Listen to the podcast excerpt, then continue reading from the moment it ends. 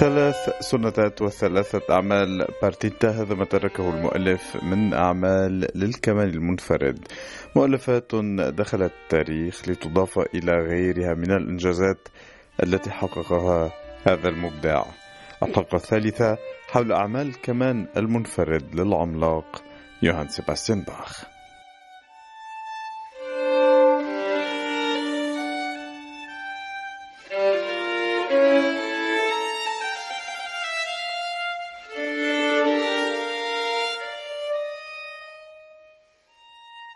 الحلقة الثالثة مستمعين حول أعمال الكمان المنفرد من سوناتا وبارتيتا للعملاق الألماني يوهان سيباستيان باخ. نكمل من خلالها إذن التعرف على مزايا هذا المؤلف الكبير الذي لم يترك آلة ولا نوع موسيقي إلا واهتم به. مؤلف فضولي لأقصى حد.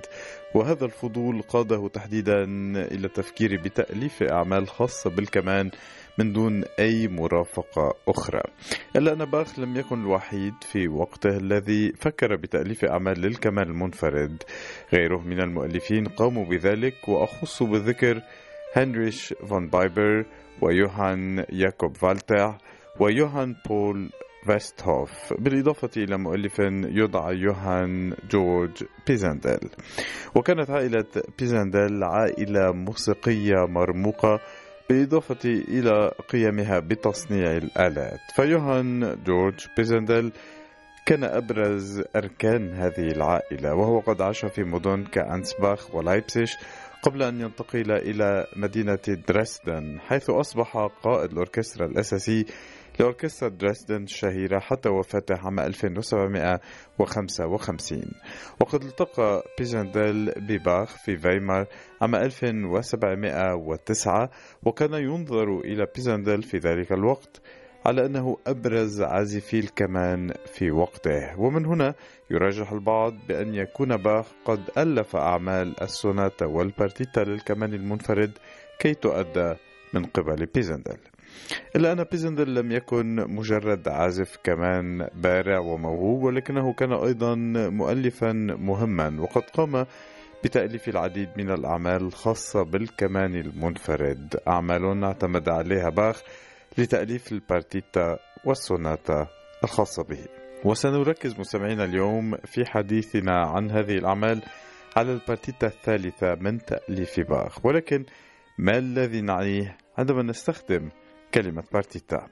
أن البارتيتا نوع موسيقي كان رائجا خلال القرن السادس عشر والسابع عشر وفي ذلك الوقت كان يعني مقطوعة واحدة إلا أن عدد من المؤلفين الذين عاشوا في تلك الفترة ومنهم يوهان كوهناو وتلميذه كريستوفر جراوتنر إضافة إلى يوهان سيباستيان باخ أخرجوا البارتيتا من طابعها التقليدي ليوسعوا آفاقها ويمنحوها معنى آخر فيه من الشمولية والعمق.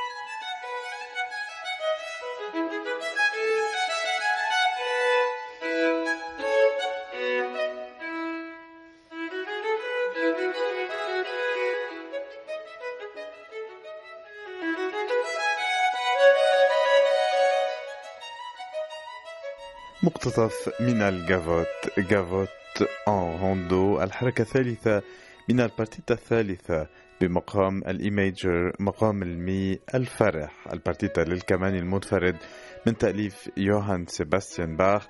في هذه الحلقة التي نتابع فيها الحديث عن الأعمال المنفردة التي خصها باخ بآلة الكمان من سوناتا. وبارتيتا.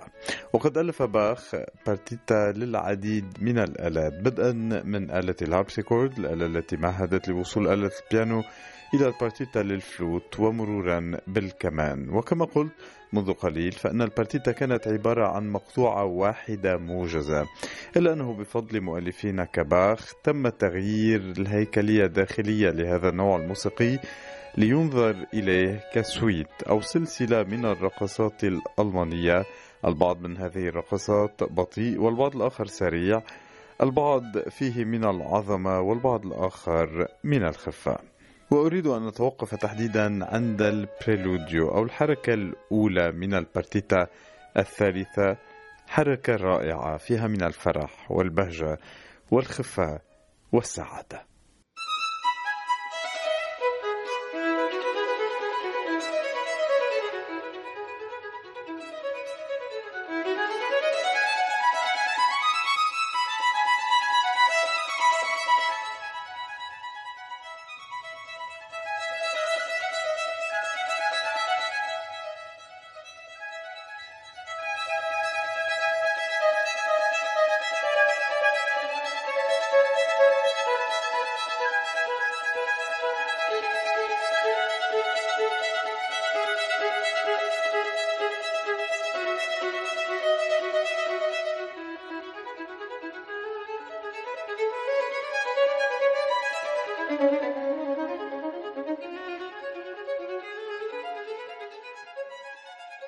مقتطف من الحركة الأولى مقدمة البارتيتا الثالثة بمقام ألمي الفرح.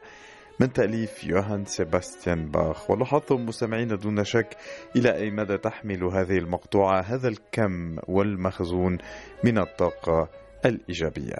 وكما ذكرنا في الحلقات السابقة يعتقد بأن باخ قد انتهى من تأليف هذه الأعمال عام 1720 إلا أنه عاد بعد 11 عاما على ذلك وتحديدا عام 1731 ليهتم مجددا بهذه الحركة بالتحديد مقدمة البارتيتا الثالثة. وما الذي قام به باخ تحديدا؟